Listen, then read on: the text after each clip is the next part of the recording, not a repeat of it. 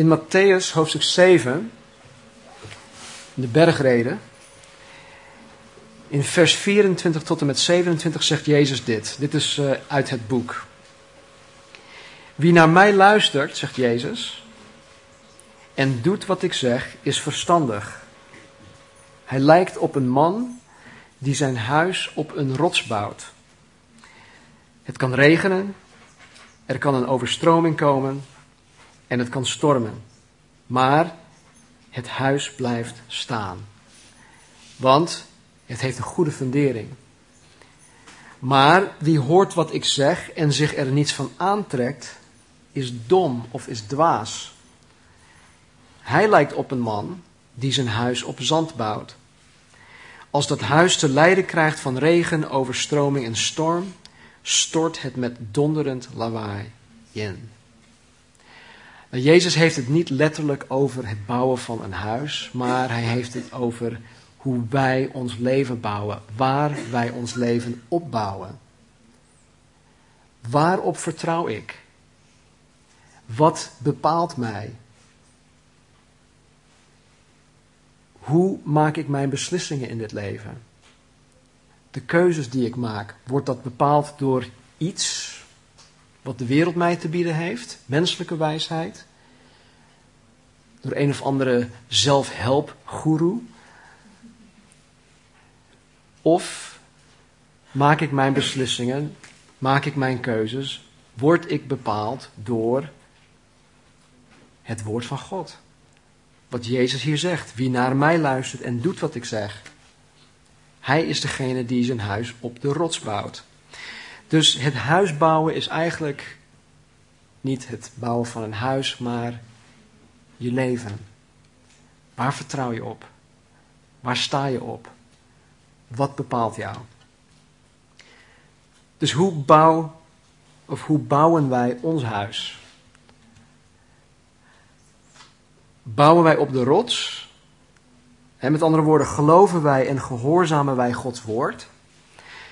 Of bouwen wij op zand? Met andere woorden, trekken wij ons niets aan van Gods woord? Nou, vanmorgen zullen we zien op welk soort fundament de apostel Paulus zijn huis bouwt. En we zullen niet alleen het bouwwerk zien, ook zullen we zien hoe zijn bouwwerk de test en de storm doorstaat. We zullen zien of zijn huis inderdaad stand zal houden in de storm.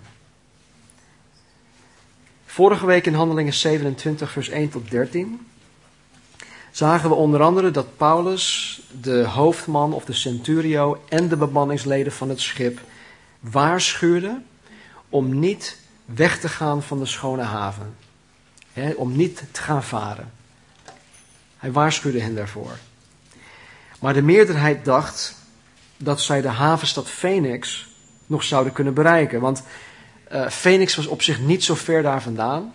Een kilometer of 60, 70. Dus ze dachten, nou joh, we redden dat nog wel. Uiteindelijk, het weer zit mee. Dus we het gewoon doen. En dan staat er in vers 13, hoofdstuk 27, vers 13. En omdat de zuidenwind zacht waaide, dachten zij in hun voornemen geslaagd te zijn. En nadat zij het anker gelicht hadden, zeilden zij dicht langs Kreta. Ze hadden waarschijnlijk zoiets van: Yes, het weer ziet er mooi uit, de wind ligt goed. Jongens, we gaan ervoor. Waar heeft Paulus het nou over? Dus we gingen ervoor. Maar dan komt vers 14.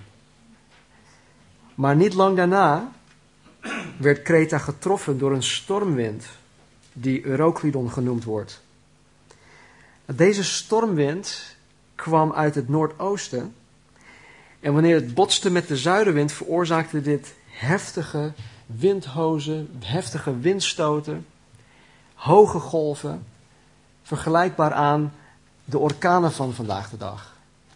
Dus het was geen zacht briesje die over de, de zee blies. Het was echt een storm. Het feit dat deze stormwind een naam had gekregen, wil zeggen dat het bij deze zeelieden bekend stond. En het stond bekend als een beruchte en een zeer gevreesde storm. Vers 15. En omdat het schip daardoor meegesleurd werd en niet tegen de wind in kon zeilen, gaven wij het op en we dreven weg. En toen wij onder een eilandje doorvoeren dat Clauda heette, konden wij nauwelijks de sloep meester worden.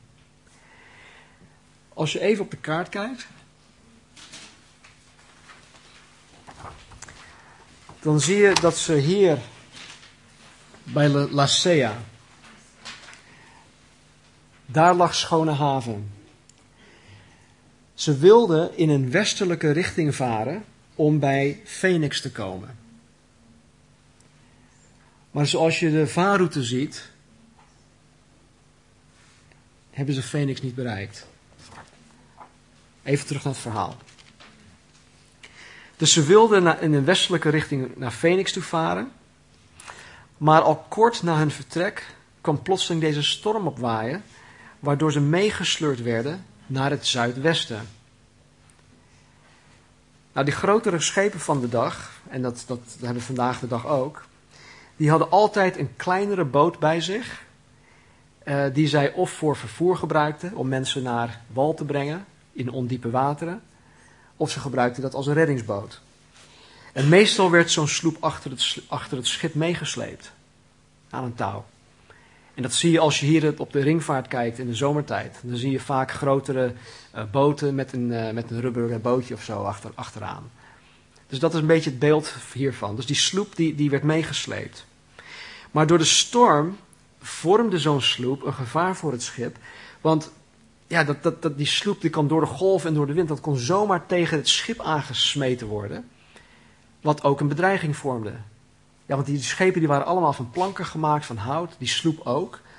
Dus het kon zomaar een, een gat in, in het schip maken, waardoor zij misschien ook konden zinken. Vers 17. Nadat ze die sloep aan boord gehezen hadden, benutten ze allerlei hulpmiddelen en haalden kabels onder het schip door. En omdat ze bevreesd waren dat ze op de, grote, op, nee, op de droogte Sirtis terecht zouden komen, streken ze het zeil en lieten zich zo meedrijven.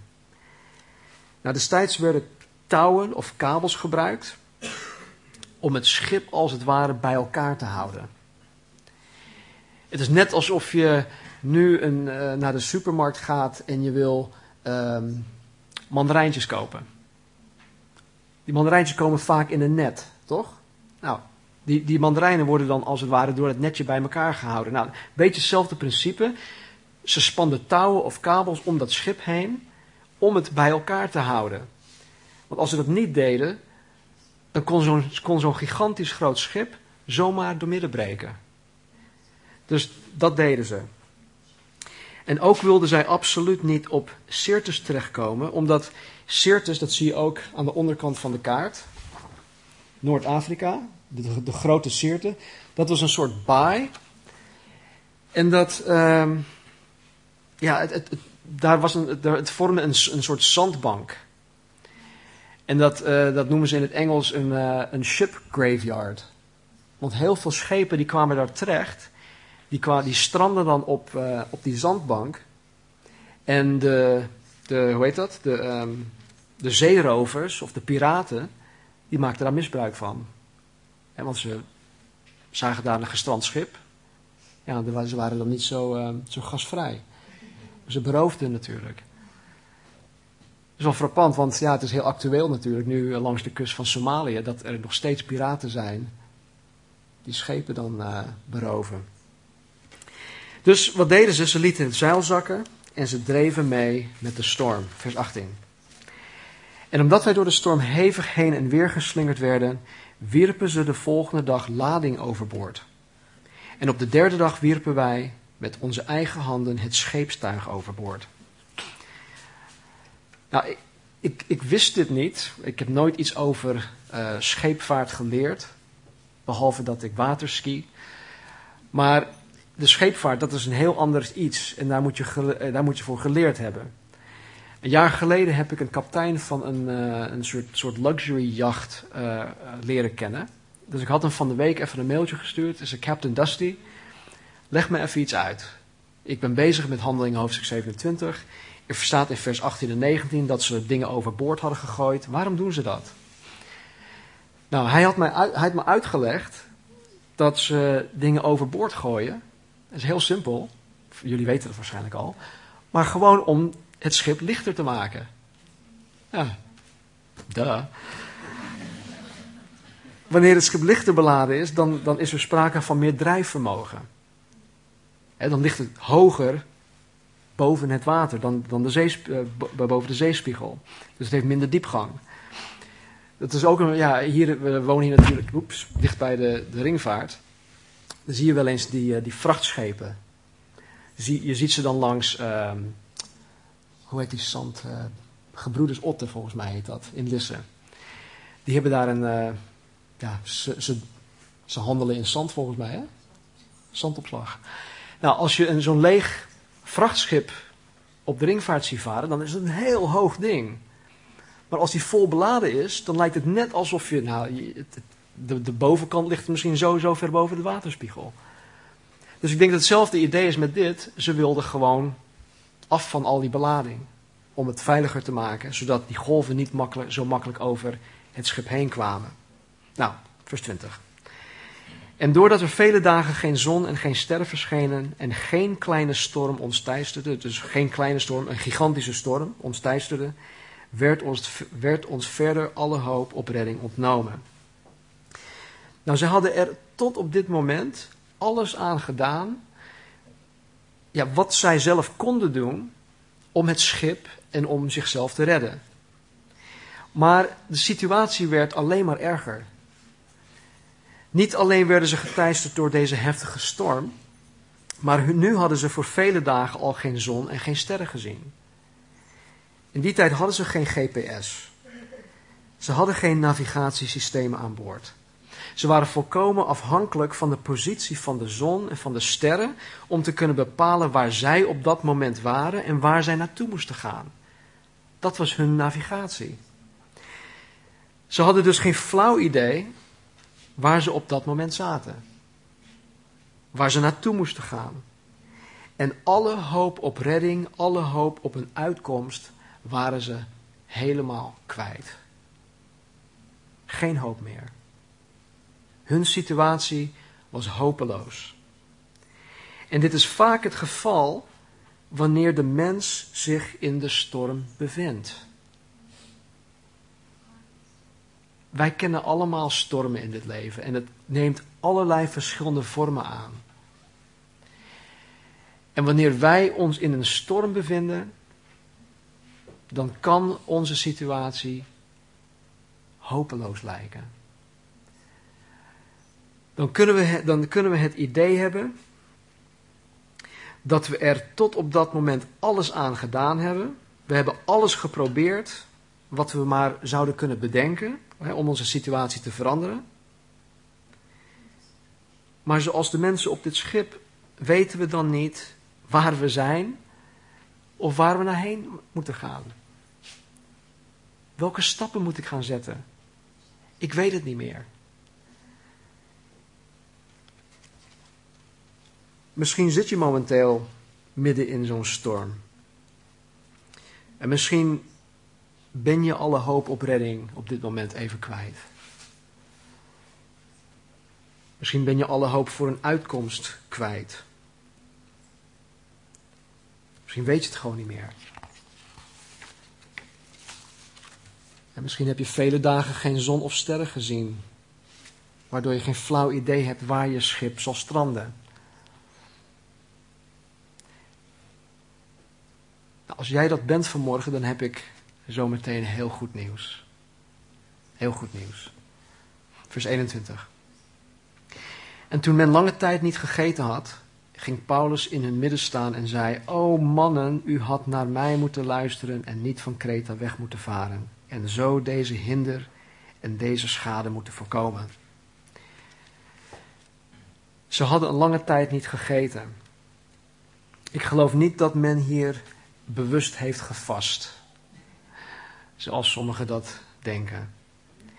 Maar ik geloof dat zij wegens de omstandigheden niet hebben kunnen eten. En vergeet niet, ze zijn de hele tijd heen en weer geslingerd. Er is vast heel veel water op het schip gekomen. Misschien was hun voedselvoorraad helemaal doordrenkt. We weten het niet precies. Een paar jaar geleden ben ik met een vriend uh, en mijn vader nog toen. Uh, vanuit Scheveningen zijn we op makreel uh, gaan vissen. En het was in juni, het was een hele mooie dag. En we, we voeren weg en het was heel kalm. En ik weet hoe het kan zijn op de zee. Het kan in één keer omslaan. Dus voor, vooraf had ik twee van die, die pilletjes ingeslikt tegen, tegen zeeziekte. Mijn vader ook. Die is ook slim. Maar mijn vriend die zei van, oh nee, dat heb ik niet nodig. Ik ben eraan gewend. Nou, we waren op, dit, op deze boot, ik denk een man of vijftig aan boord, aan het hengelen. Ja, een hoop makrelen binnengehaald. En in één keer begon het te waaien. En uh, we moesten, uiteindelijk moesten we, moesten we daardoor moesten we terug. Je had de boot en dan had je in, in het midden had je dan um, een soort gangetje waar ze de keuken hadden en, en een, zitje, maar ook de, de wc's.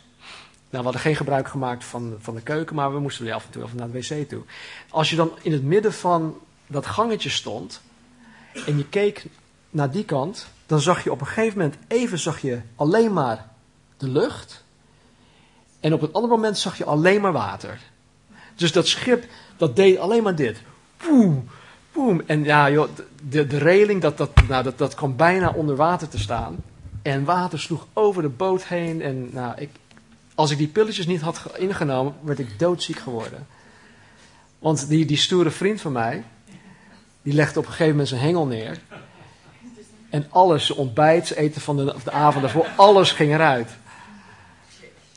Dus het kan heel heftig zijn. Nou, op dat moment had ik absoluut geen behoefte aan eten. Ik had, ik had niet eens gedacht om te eten.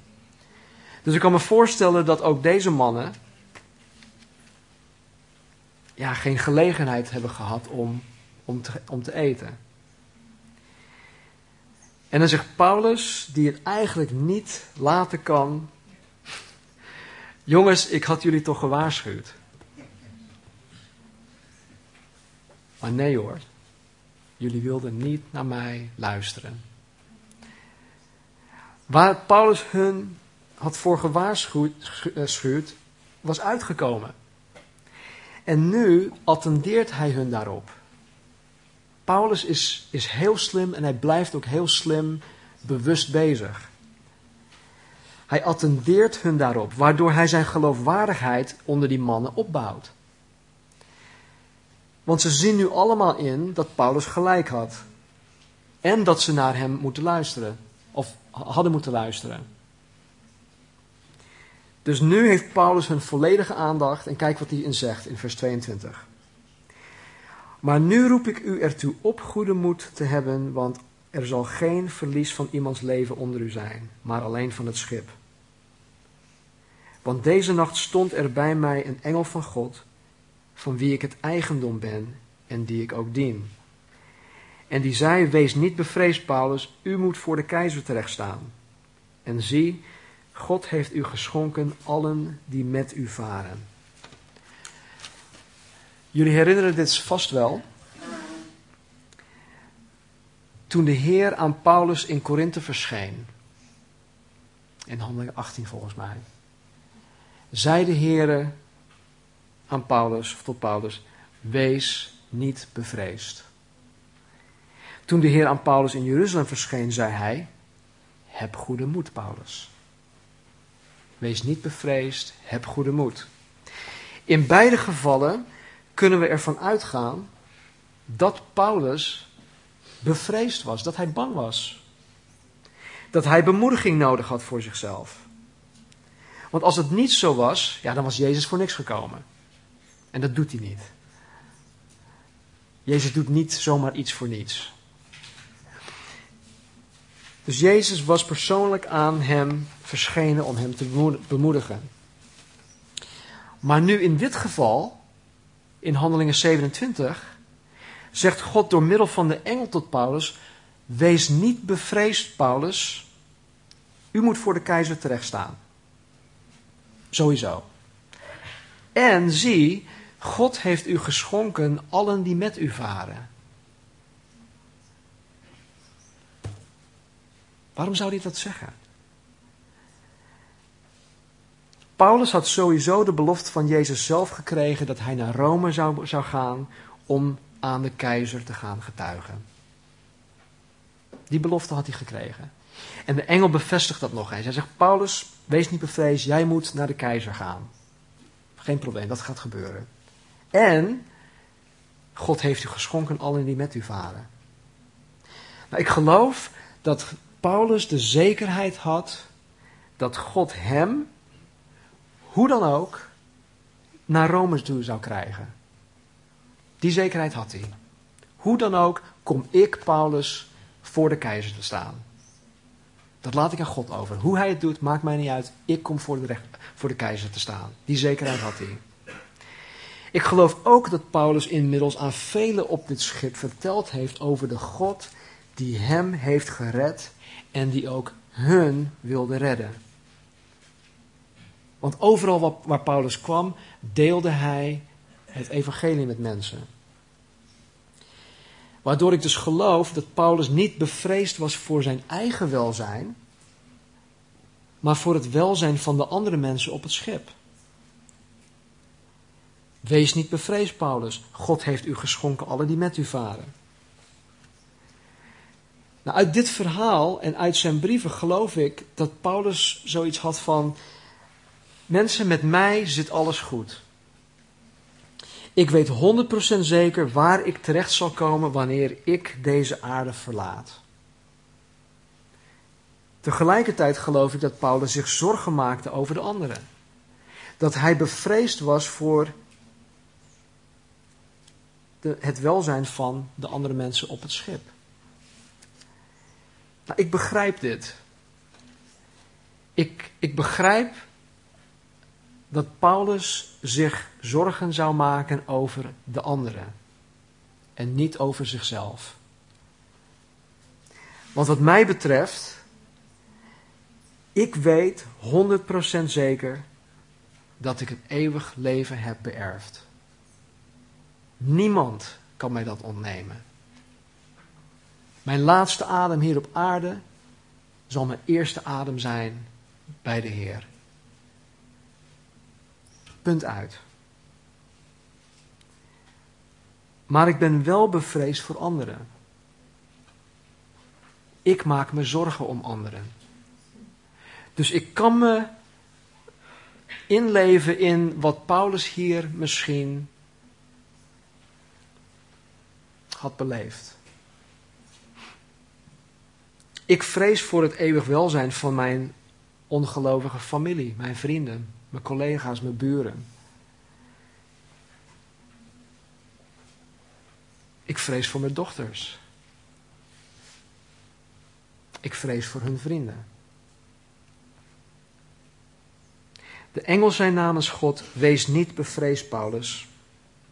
U komt voor de keizer te staan. En zie, God heeft u geschonken allen die met u varen.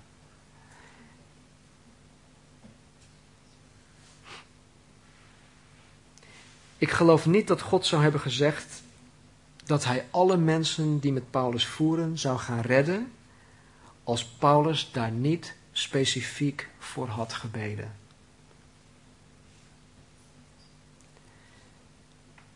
En dit is dus een hele grote les voor mij. Dit is een hele grote les voor mij. Zoals ik al zei, maak ik me geen zorgen over mijn eigen, uh, mijn eigen eeuwig welzijn. En als ik, ik, door middel van de gebeden van anderen tot geloof ben gekomen, waarom zou ik moeten vrezen dat mijn geliefde, waarvoor ik bid, niet tot geloof zullen komen? Dat is de les voor mij. In 1 Timotheus 2, eh, hoofdstuk 2, vers 4 zegt Paulus dat God wil dat alle mensen gered worden en tot kennis van de waarheid komen. God wil dat alle mensen gered worden. Dat is zijn wil. Hij wil dat. En in 1 Johannes hoofdstuk 5, vers 14 en 15 zegt de apostel Johannes dit. Dit is de vrijmoedigheid die wij hebben in het toegaan tot God. Dat Hij ons verhoort. Telkens al wij, als wij iets bidden naar Zijn wil. Dus de vrijmoedigheid die ik kan hebben is het weten dat Hij mij verhoort. Elke keer als ik iets bid naar Zijn wil. En als wij weten dat Hij ons verhoort, wat we ook bidden, dan weten wij dat het gevraagde dat wij van Hem gebeden hebben, zullen verkrijgen. Punt uit. Er staat niet, ja, misschien laten we ervoor duimen dat het wellicht uit gaat komen. Hij geeft ons hier een garantie dat wanneer wij naar Zijn wil bidden, dat God het aan ons zal geven. Nou, ik kan heel makkelijk zeggen: Oké, Heer, red de wereld. Zo werkt dat niet. Maar ik ben tot geloof gekomen omdat iemand voor mij heeft gebeden. Volgens mij jullie ook. Mensen hebben voor jullie gebeden. Dus ik hoef me niet meer zorgen te maken over mijn, mijn dochters die op dit moment niet met de Heer wandelen. Want ik heb de belofte. Het is Gods wil dat zij gered worden. Het is Gods wil dat zij tot kennis der waarheid komen. Vers 25. Heb daarom goede moed, mannen, want ik geloof God, dat het zo zal zijn als het mij gezegd is. Wij moeten echter op een een of ander eiland terechtkomen. Nou, zoals Paulus hier zegt dat hij God gelooft en dat het zo zal zijn als het hem gezegd is, hoor ook ik God te geloven. Hij zegt, ik geloof God. Paulus zegt hier niet dat hij in God gelooft. Daar is een heel groot verschil in, hè? Hij zegt niet, ik geloof in God. Nee, hij zegt, ik geloof God dat het zo zal zijn als het mij gezegd is. Vele mensen zeggen dat zij in God geloven. Maar ze geloven niet wat God in de Bijbel zegt. En dit soort geloof heeft heel weinig tot geen waarde. Want de Bijbel leert ons dat zelfs de demonen in God geloven. Wat voor waarde heeft het voor hun? Dus als iemand, als je met iemand in gesprek bent en die zegt meteen van ja, ik geloof in God. Great, geweldig. Laten we even de Bijbel openslaan. Geloof je ook dit? Geloof je ook dat? Ja, maar dat geloof ik niet. Oké, dan moeten we even, even een, een ander gesprek gaan houden. Dus hij zegt, ik geloof God. Vers 27. Toen nu de veertiende nacht aangebroken was, terwijl wij in de Adriatische Zee heen en weer gedreven werden, vermoedden de zeelieden midden in de nacht dat er land dichter bij hen kwam. En ze wierpen het dieplood uit en peilden twintig vaden, zo'n 37 meter. En na iets verder gevaren te zijn, wierpen ze weer het dieplood uit en peilden 15 vaden, zo'n 27 meter, 28 meter. En omdat ze bevreesd waren dat ze ergens op rotsachtige plaatsen terecht zouden komen, wierpen zij van het achterschip vier ankers uit. En ze wensten dat het dag werd. Nou, er staat hier dat zij wensten dat het dag werd. Verplaats je even in hun situatie. Ze dobberen al veertien nachten lang door op zee. Heen en weer gesleurd, heen en weer geslingerd. Ze merken, hé, hey, misschien hoorden ze iets, weet ik niet. Maar ze merkten dat ze dichter aan de kust kwamen. 37 meter. 28 meter. Oh jee, wat nu? We komen steeds dichter bij land. We weten niet of het rotsen zijn, we weten helemaal niks. En er staat er, zij wensten dat het dag werd. Een andere vertaling kan zijn dat zij hadden gebeden dat het dag werd. Dat staat er ook in sommige vertalingen. Zij hadden gebeden dat het dag werd. Nou, dit kan op een metaforische manier bedoeld worden, zoals: Oh man, laten we alsjeblieft bidden dat het gauw dag wordt. hoor ik ook op mijn werk. Laten we bidden dat het dit, laten we bidden dat het dat. Maar dan bedoelen ze niet echt laten we bidden tot de God, schepper van hemel en aarde. Nee, het is gewoon een ja, metaforisch. Het is een gezegde. Laten we duimen, laten we wensen. Dus het kan op, op, ja, op een metaforische manier bedoeld worden. Maar het kan ook aangeven dat Paulus, Lucas en Aristarchus het schip met succes hadden geëvangeliseerd. Dat kan. Dat ze inderdaad tot geloof zijn gekomen en dat ze hadden gebeden dat het gauw dag zou worden. Nou, we weten het niet helemaal zeker, dus ik laat het gewoon in het midden. Maar ik vind het wel mooi om te denken dat, dat Paulus zo op die manier toch succes had geboekt op het schip in de storm. Ik kan me niet voorstellen dat Paulus zomaar zijn eigen ding de hele tijd had gedaan. In zijn, in zijn eigen kamertje had gezeten want hier is het zo fijn. Vers 30. Maar toen de zeelieden probeerden van het schip te vluchten, die zijn uh, braaf, en de sloep in zee, in zee neerlieten, met als voorwendsel dat zij de ankers uit het voorschip zouden uitwerpen, zei Paulus tegen de hoofdman en de soldaten: Als zij niet in het schip blijven, kunt u niet gered worden. Toen kapten de soldaten de touwen van de sloep en lieten hem in zee vallen. Nou, dit is heel eenvoudig. Als de bemanning vlucht, dan is er niemand meer aan boord die het schip kan bevaren. Dus Paulus zegt als het ware: luister, als zij hem smeren, dan zal er niets van ons overblijven. Wat doen de soldaten? Kapten de touwen, sloep weg. Geen kans dat zij overboord gingen. Nee, ze moesten blijven op het schip. Paulus bevindt zich hier in een, ja, in een zeer heftige storm. De mensen waarvan hij afhankelijk is, hebben er alles aan gedaan om de mensen en het schip te redden. Maar ze hadden geen flauw idee waar ze waren. Waar het schip zou stranden.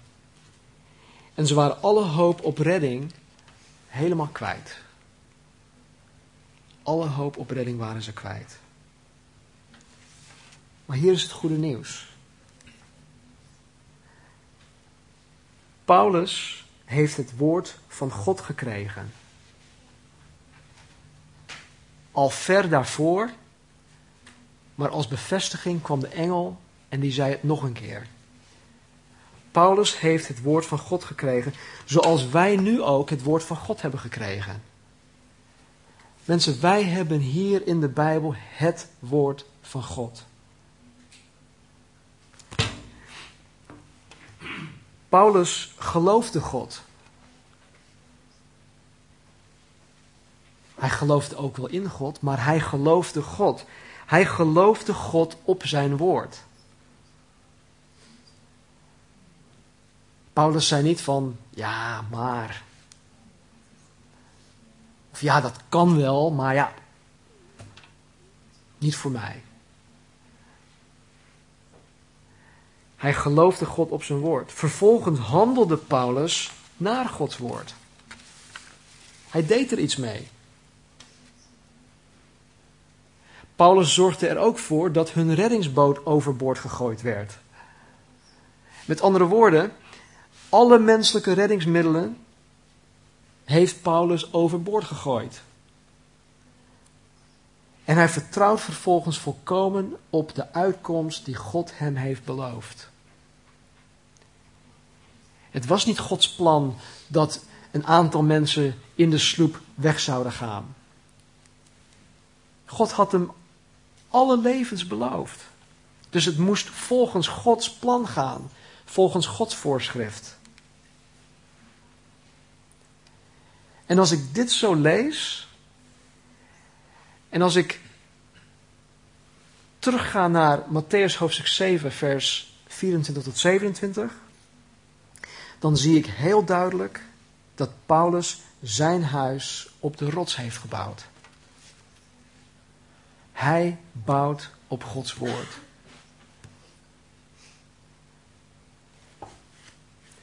Volgende week zullen we zien waar het schip uiteindelijk terechtkomt. En we zullen zien of het huis van Paulus stand zal houden in deze storm. Het lijkt erop alsof dit schip al veertien nachten lang stuurloos in de Mediterranean, de Middellandse Zee, um, gewoon rondgedreven heeft. En alhoewel er geen stuurman aan boord was die het schip navigeerde, zullen we volgende week zien dat er toch iemand was die het stuur in handen had, die het schip precies bracht waar hij het hebben wilde. God had alles onder controle. Paulus had de zekerheid. Hij geloofde God, hij geloofde in zijn woord, hij geloofde wat God hem had verteld. En hij liet zichzelf daarin helemaal gaan. Hij liet zichzelf gaan. Hoe bouwen wij ons huis? Nogmaals de vraag. Hoe bouwen wij ons huis? Bouwen wij op de rots? Met andere woorden, geloven wij en gehoorzamen wij Gods woord? Of bouwen wij op zand? Trekken wij ons niets of weinig aan van Gods woord? Laten we bidden. Vader, dank u wel dat u ons beloofd heeft dat u altijd met ons bent. En vader, welke storm wij ons op dit moment in bevinden. Heer, u bent met ons. Dank u wel, vader, voor dit voorbeeld van Paulus. Dank u wel voor de wijze lessen die u mij persoonlijk hierin heeft geleerd. Dat u ons heeft geleerd vanmorgen. Dank u voor uw woord. Dank u, Heer, dat uw Heilige Geest ons verlicht om uw woord ook te kunnen begrijpen, te snappen. Ons eigen te maken, Heer, en ook ja, dat wij het kunnen gehoorzamen. Heer, dat het niet iets abstract is of iets vaags, maar dat het duidelijk bij ons overkomt. Dank u, Heer. Vader, laat ons zien Open onze ogen, open onze harten, Heer. Laat ons zien hoe wij ons huis bouwen. Heer, op welk fundament? Heer, help ons u te geloven. Niet alleen in u te geloven. Help ons uw woord, Vader, te geloven en te gehoorzamen. Help ons, Vader, om alle menselijke, wereldse reddingsmiddelen overboord te gooien. En Heer, om volkomen op U te gaan vertrouwen. Bied uitkomst, Vader, voor degenen die op dit moment midden in de storm zitten. Die het niet meer weten. Of die zeggen juist het tegenovergestelde. Ik weet het allemaal wel. Heere, laat de Satan ons niet beroven van uw goede, welgevallige, volmaakte wil en uw plan. Heere, kom ons tegemoet. Vader, waar we vragen hebben, Heere, beantwoord onze vragen. Waar we twijfel hebben, Heere, Neem de twijfel weg. Heren, wij geloven, maar help ons ongeloof. Dank u wel. Dank u voor uw belofte. O Heer, u bent zo goed. In Jezus' naam. Amen.